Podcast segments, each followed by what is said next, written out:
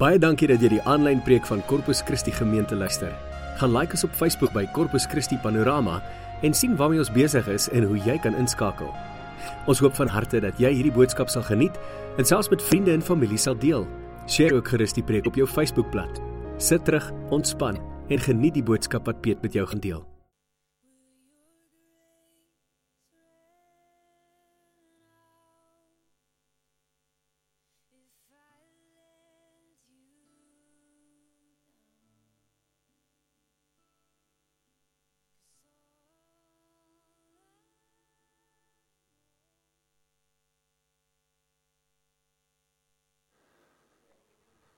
Hello.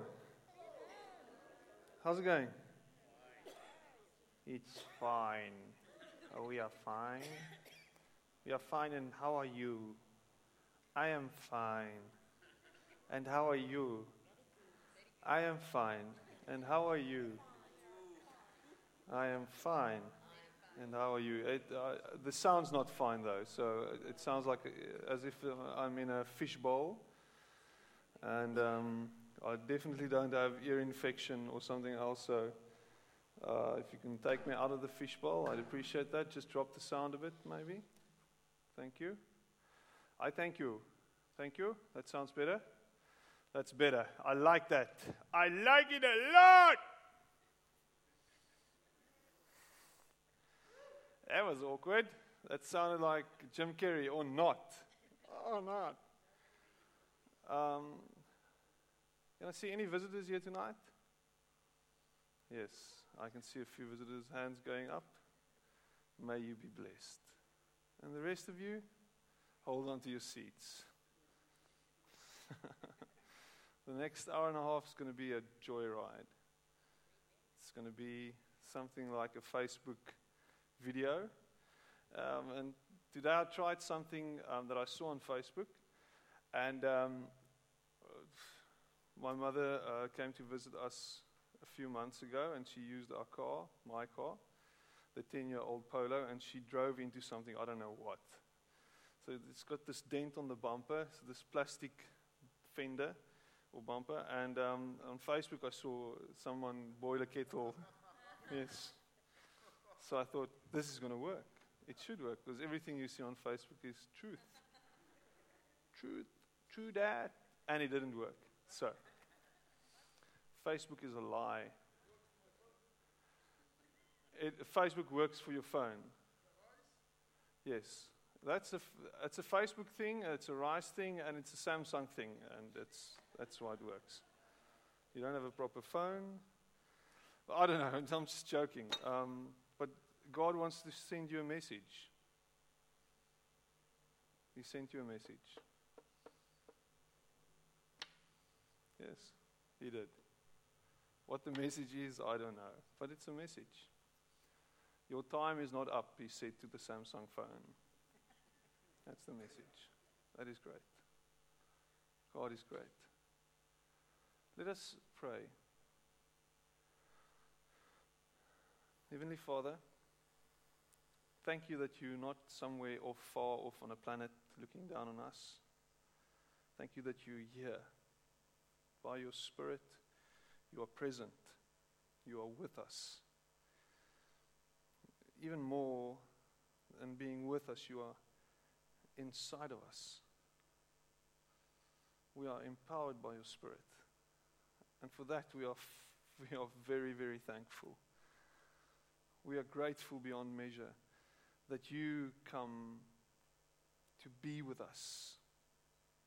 Thank you that you never leave us that you never walk away from us, even if it feels as if our lives have fallen apart. You are with us. And I thank you for that.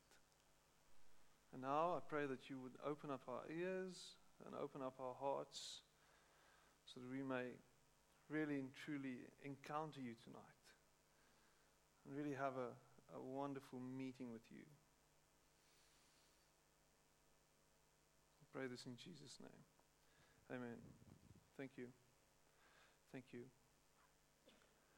So, last week we spoke about why. Why we don't always feel God. And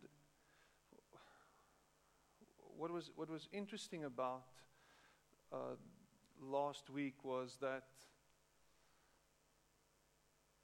if we look at what I spoke on, I don't know if you, if you, if you went through this week mindful on, of, of that.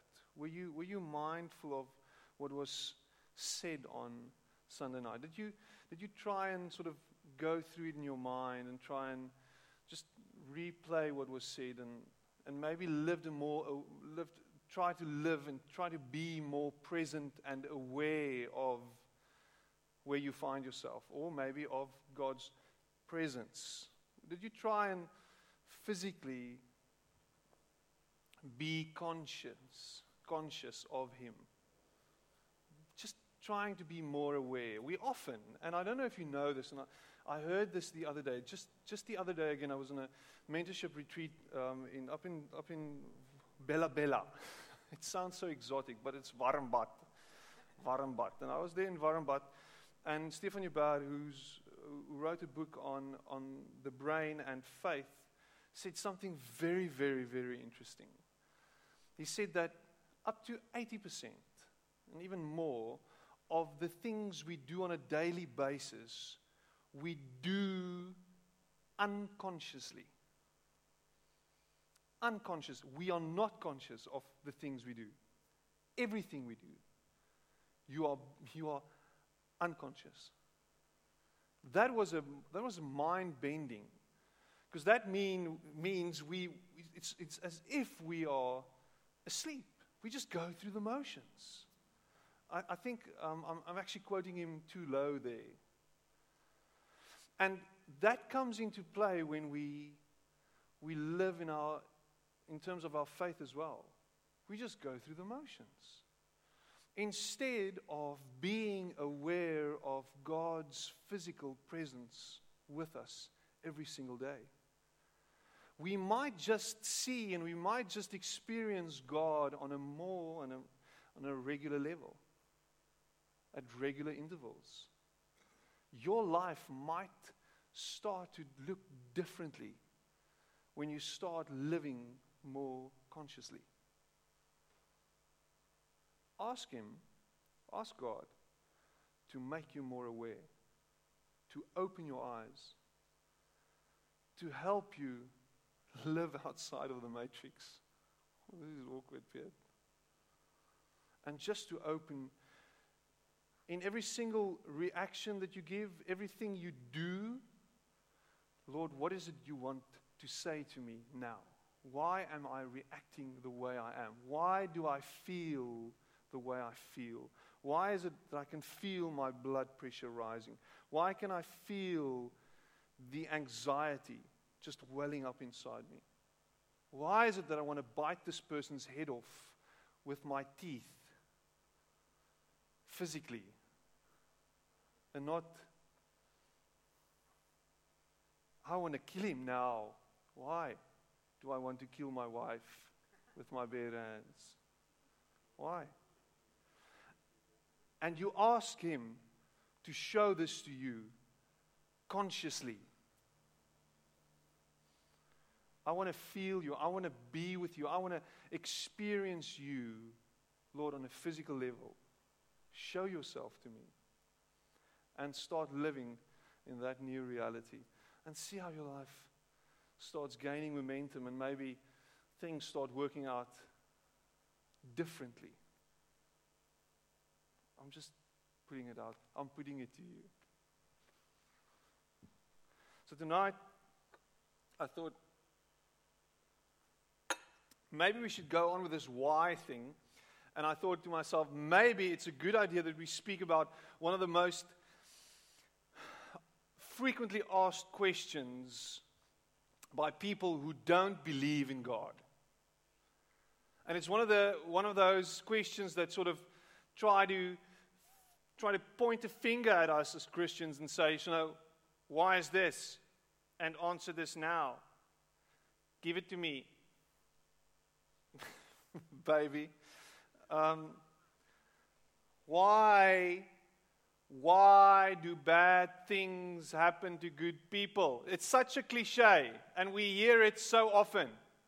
Why, why, if there is a God, why do bad things happen? Why, why are there so many evil people or evil things happening? Why the drought? Why people why do people die in Somalia? Why do people die in Ethiopia? When we grew up it was Ethiopia and later it turned into Somalia, but now apparently it's going back to Ethiopia. People are dying of hunger in Ethiopia. Why?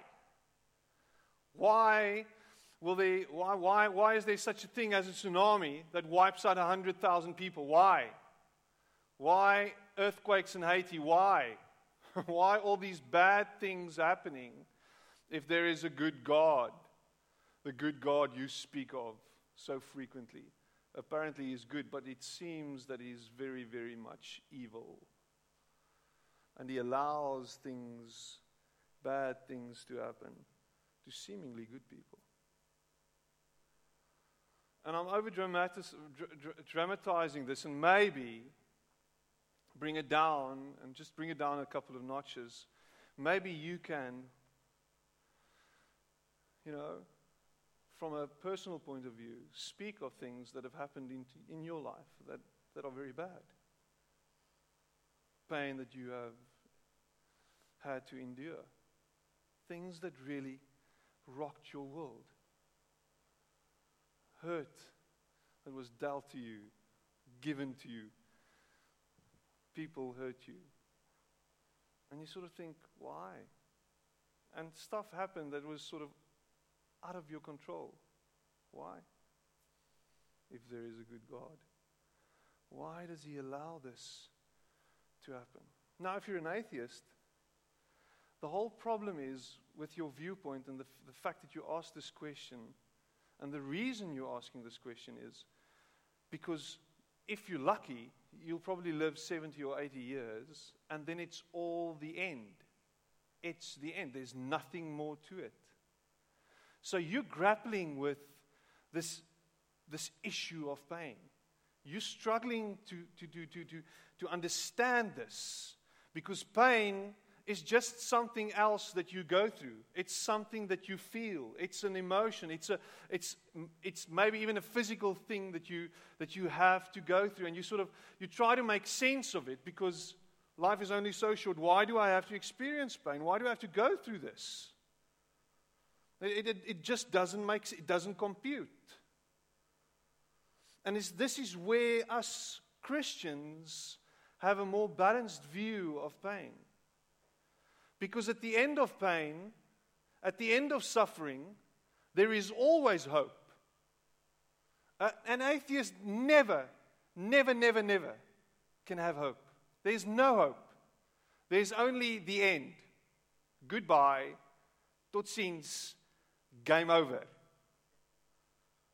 And tonight I spoke to a couple, I'm, I'm, marrying them pretty soon, and I always ask this question So, have you spoken about having kids? Oh, yes, we have. And we've decided that in a world as this, a world that we're going through, this world that we're living in, this world demands of us to make a rational decision. And this rational decision is to not have children. This is our rational decision that we needed to make. Because this world is void of any hope there is no such thing as hope. There's, it's not going to get better, it's only going to get worse. So we can't have children in a world like this. I think it's a responsible thing to do, and people who, do, who have children are irresponsible. Okay. Very true if there is no hope. Christians always have hope. God is a God of death and resurrection. Death is not the end. Pain and suffering is not the end. There is always more. There is always hope. And in a world, the world we're living in today, people need hope. And if we call ourselves Christians and we decide not to have children because the world is bad, we are saying something about our own faith. We are saying there is no hope.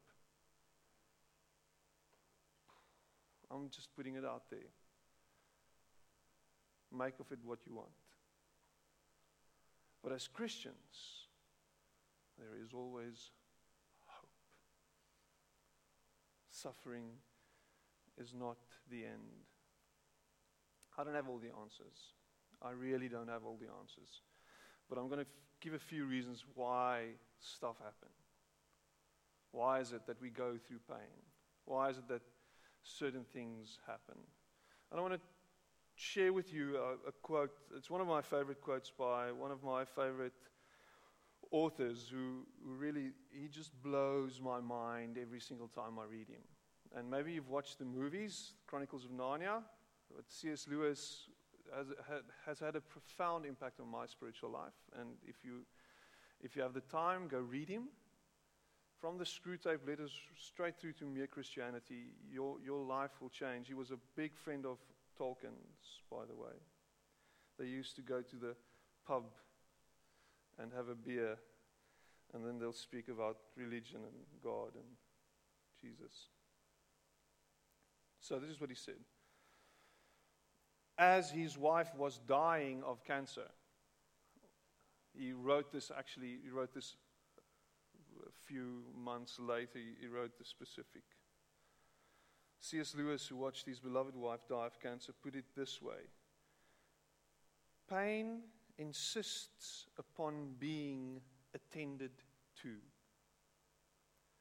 Pain insists on being attended to.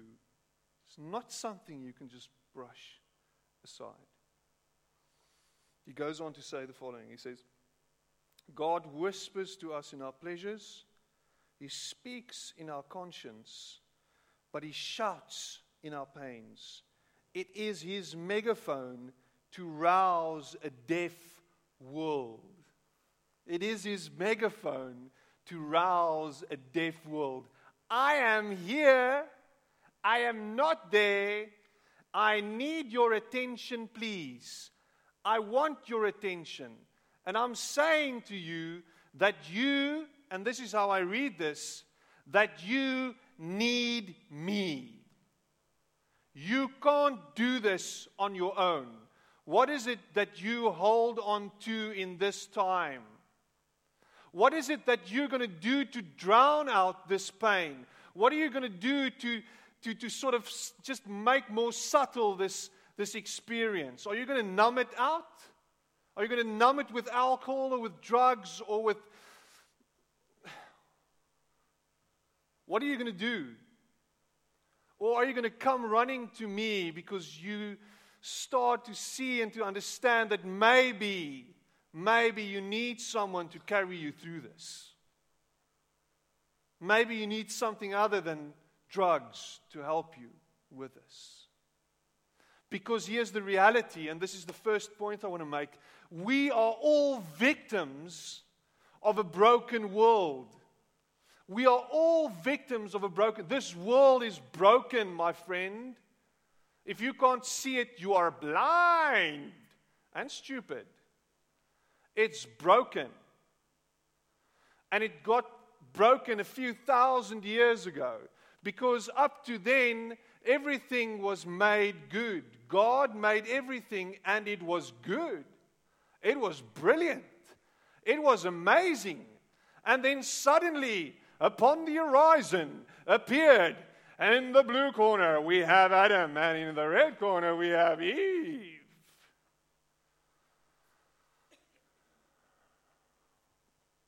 And sin entered the world. And brokenness stepped in. And stuff hit the fan and the world is in pain. Just go read Genesis 1, 2, and 3. And Jesus says it best in John 16, verse 33. He says it so well. And you can't run away from this. You can't escape this. And if you're a Christian, this is something that you have to remind yourself about. You have to remind yourself of this specific fact. John 16, verse 33, he says, In this world you will have trouble. You're going to have trouble. It's there. It's, you can't run away from it. But take heart. I have overcome the world. So he says it straight, straight up. It's going to be tough. Get ready for a tough ride. And it's not going to be like a Tanga Junction. It's going to be in a safe environment. Ne? It's not going to be safe. It's going to be dangerous. You know, in school, you prepare yourself for the test. No? Or not? Ob- obviously not, for some of you. You never prepare for the test. But it's funny, life sort of sort of upside down. You're sort of thrown in, boom, right in the middle, slam bam, right into the test. I mean, I grew up pretty isolated.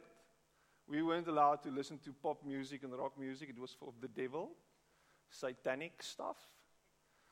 We never saw bad things happen. We, we sort of grew up in this, in this church environment, which is all pretty screwed up anyway, because we just fake it till we make it. But you're in this.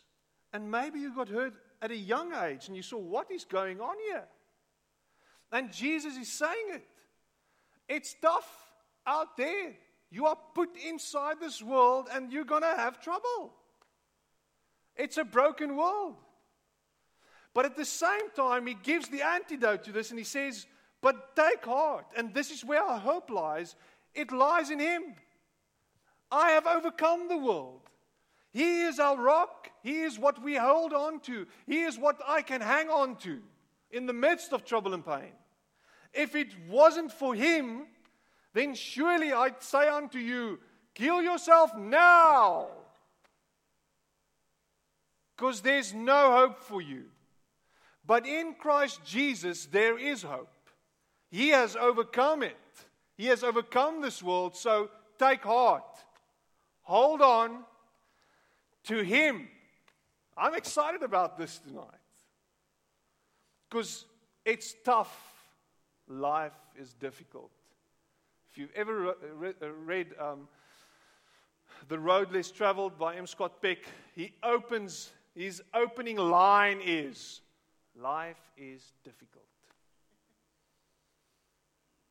Deal with it. I can only deal with it if I have Jesus or if I know that Jesus has me. So, why do bad things happen? We're in a broken world. And in the second, in second place, in the second instance, the second point I want to make is the following point. Maybe you brought it upon yourself. Maybe the pain in your life was caused by you. Go think about this, and I'm not I'm not diminishing the pain. I'm not trying to sort of joke about it because the pain is real. The stuff in your life hurts.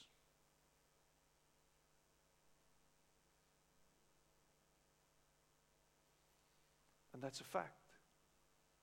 But Galatians 6, verse 7 and 8 says, Do not be deceived. God cannot be mocked. A man reaps what he sows. The one who sows to please his sinful nature, from that nature will reap destruction. We often hurt ourselves. You're relationally challenged. Things just don't work out in terms of your relationships. And maybe you have to go sit quietly, sit down, and just remind yourself that you are a selfish bee. A S T A R D. And maybe once you start acknowledging the fact that you are so selfish and self centered in every single relationship you find yourself in, that no, what, obviously, it doesn't work out because I have to do some introspection. I'm hurting everybody around me because I can't get to grips with the fact that I am so selfish. Maybe you start need you need to start sort of looking beyond yourself and seeing, whoa, I'm hurting other people. From this same couple, I had a great a, a great uh, piece of wisdom as well. Um, the guy told me, you know, uh, in Buddhist wisdom, uh, there's a difference between lust and love. And I said, Whoa, okay, just give it to me. Give it to me now. Give it to me straight. He says, You get to a flower, you go to a flower, and in lust, you pick the flower. You take it for yourself. But in love, when you get to a flower, you cultivate it and you nurture it. And I thought, wow, that's some deep stuff right there. I love that. Isn't that true? And maybe it's time you start owning up to your own issues. You're in financial ruin. Why? Because you spend more than you earn. I do have to, I have to have DSTV. Oh no, it costs 800 rand a month, you know, yes. But I need to know, you know, I need to have some and I've how many people have said this? You know, I don't do much. I don't go out, but I need to watch TV. It just relaxes me. We work so hard, you know. I need something for the kids. It's 800 Rand. You don't have it. You know, but I need it. Switch it off for crying in a bucket. I need to have this cell phone. This it's amazing. It's a, I need this. It's a smart. It's my connection with the outside world. Yes, but it costs how much? No, 700 rand a month. Okay. How much do you earn? Don't want to talk about it. Maybe you should sell yourself and get yourself a pay as you go plan. Maybe you brought it on yourself. And the third one, this is sort of, this is of, uh, you know, this is such an easy answer, Piet. Uh, it's such an easy answer. It's a cop out, I think. But hear me out. Maybe God wants to do something big. Maybe God wants to do something big. Maybe there's something big lined up. And it's coming. And this pain you're enduring is part of the process.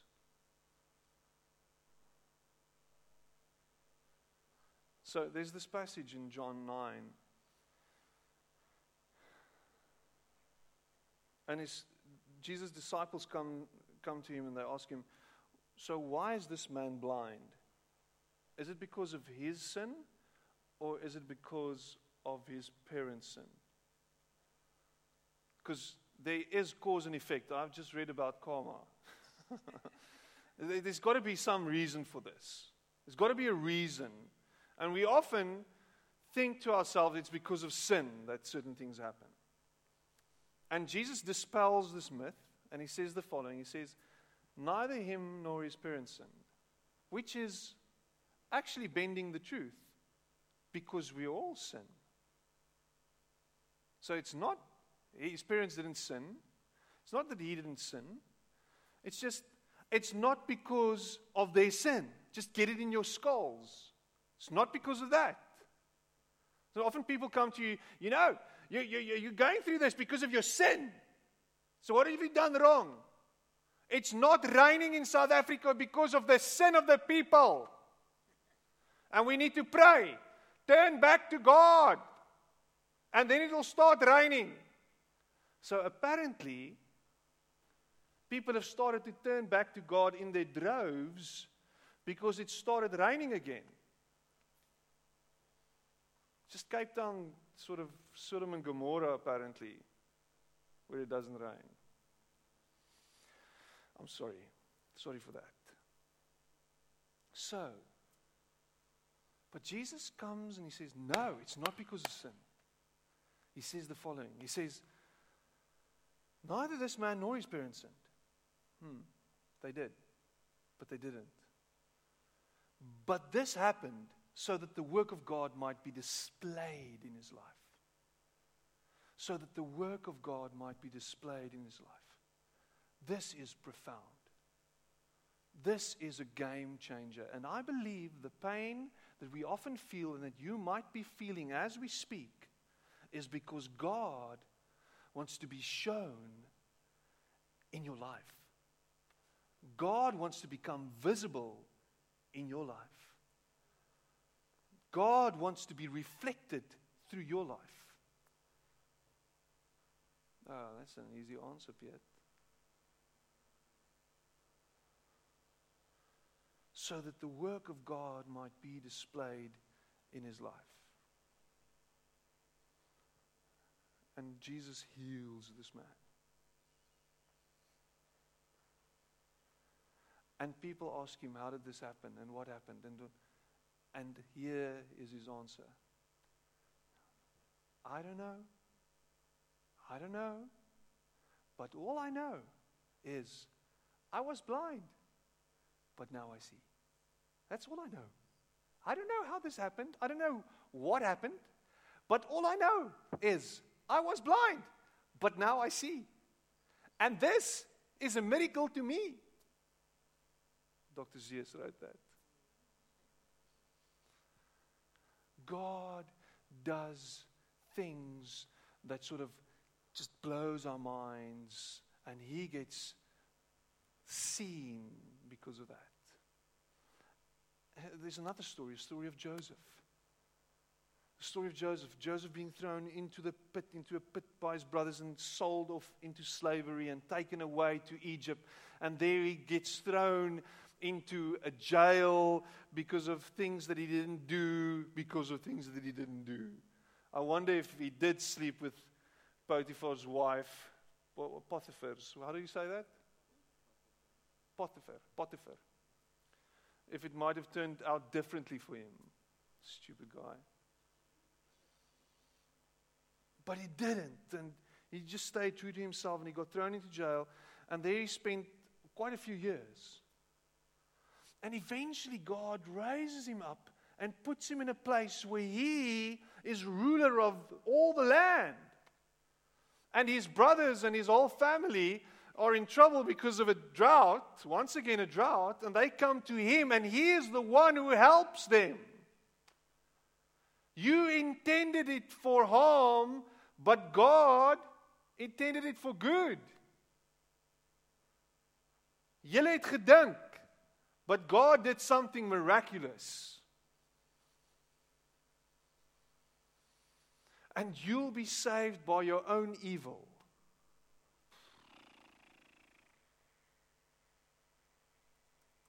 That's mind blowing.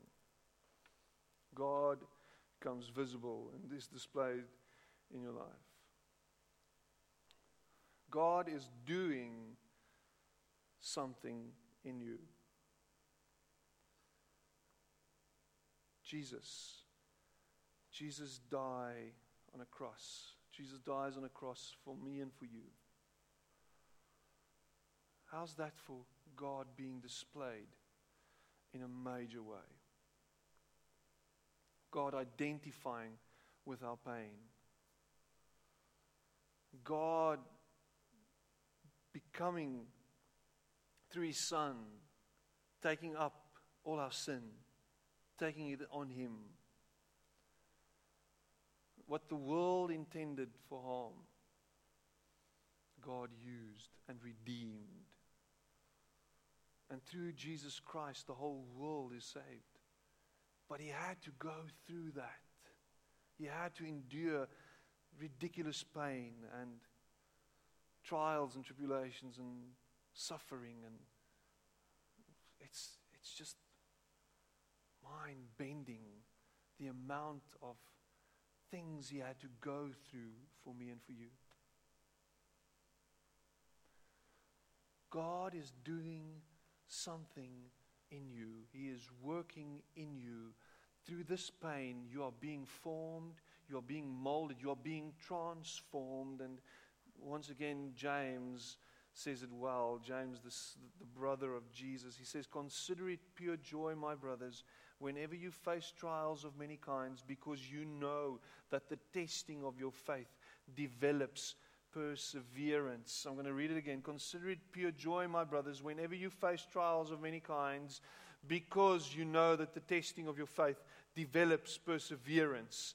We have to be shaped, we have to be tested, we have to be put into situations where we sort of get stripped of everything, where we get beaten up, where we get spat on, where we get trampled on, where we people hurt us, where things go badly, so that our faith can grow.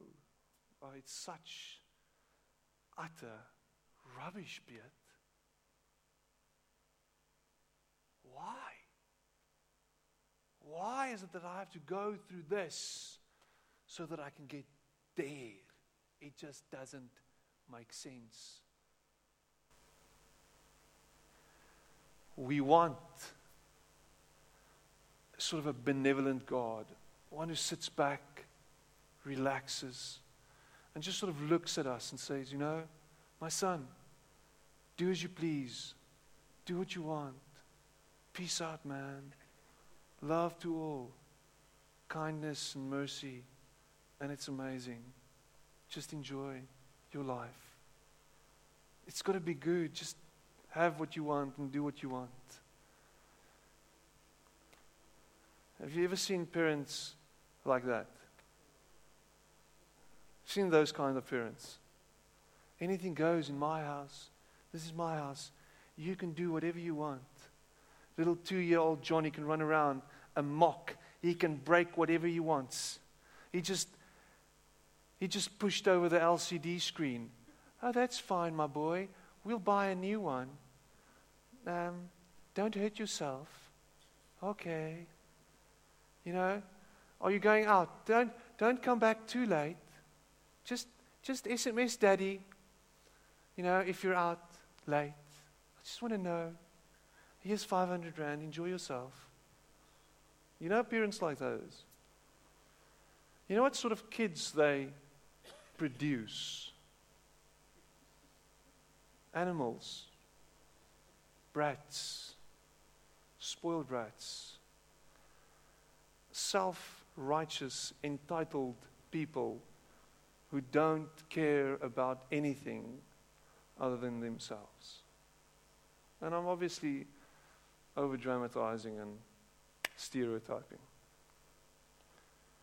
But chances are that you'll turn out to be useless because of your parents. It's a terrible thing to say. Maybe I'm just, I'm not saying it good enough because I'm saying it in English. Maybe I'm just, I'm sorry for that. But God brings us and it's, it hurts me to say this, and it's tough for me to say this, because I believe God is a loving God. But I can see it as a parent. I need to bring my children in line, and I need to help them, and I need to discipline them, because I want what's best for them. God wants what's best for you and for me. And for that, He'll bring you through trials. He'll bring you through. And here's, my, here's, here's the point I'm, that I'm trying to make He'll bring you through that. He'll carry you through. You'll get to the other side by the grace of God. This is not the end. Your suffering and pain is not the end. It is merely the beginning of what God wants to do in your life and through your life. Hold on to hope. Never walk away from Him. In all the trials that Job went through, he never once walked away from God. He never sinned against God, the Bible says. He chose to stay with God. Yes, he questioned him. Yes, he wrestled with him. Yes, but God honored the fact that he stayed with him. And if you go read Job, you'll see that he became twice or more rich than he was before everything happened. Am I right? Did he, did he have more children as well? Or did he just, his, children, his children got replaced with better ones? I'm joking, I don't know. Hopefully they were better.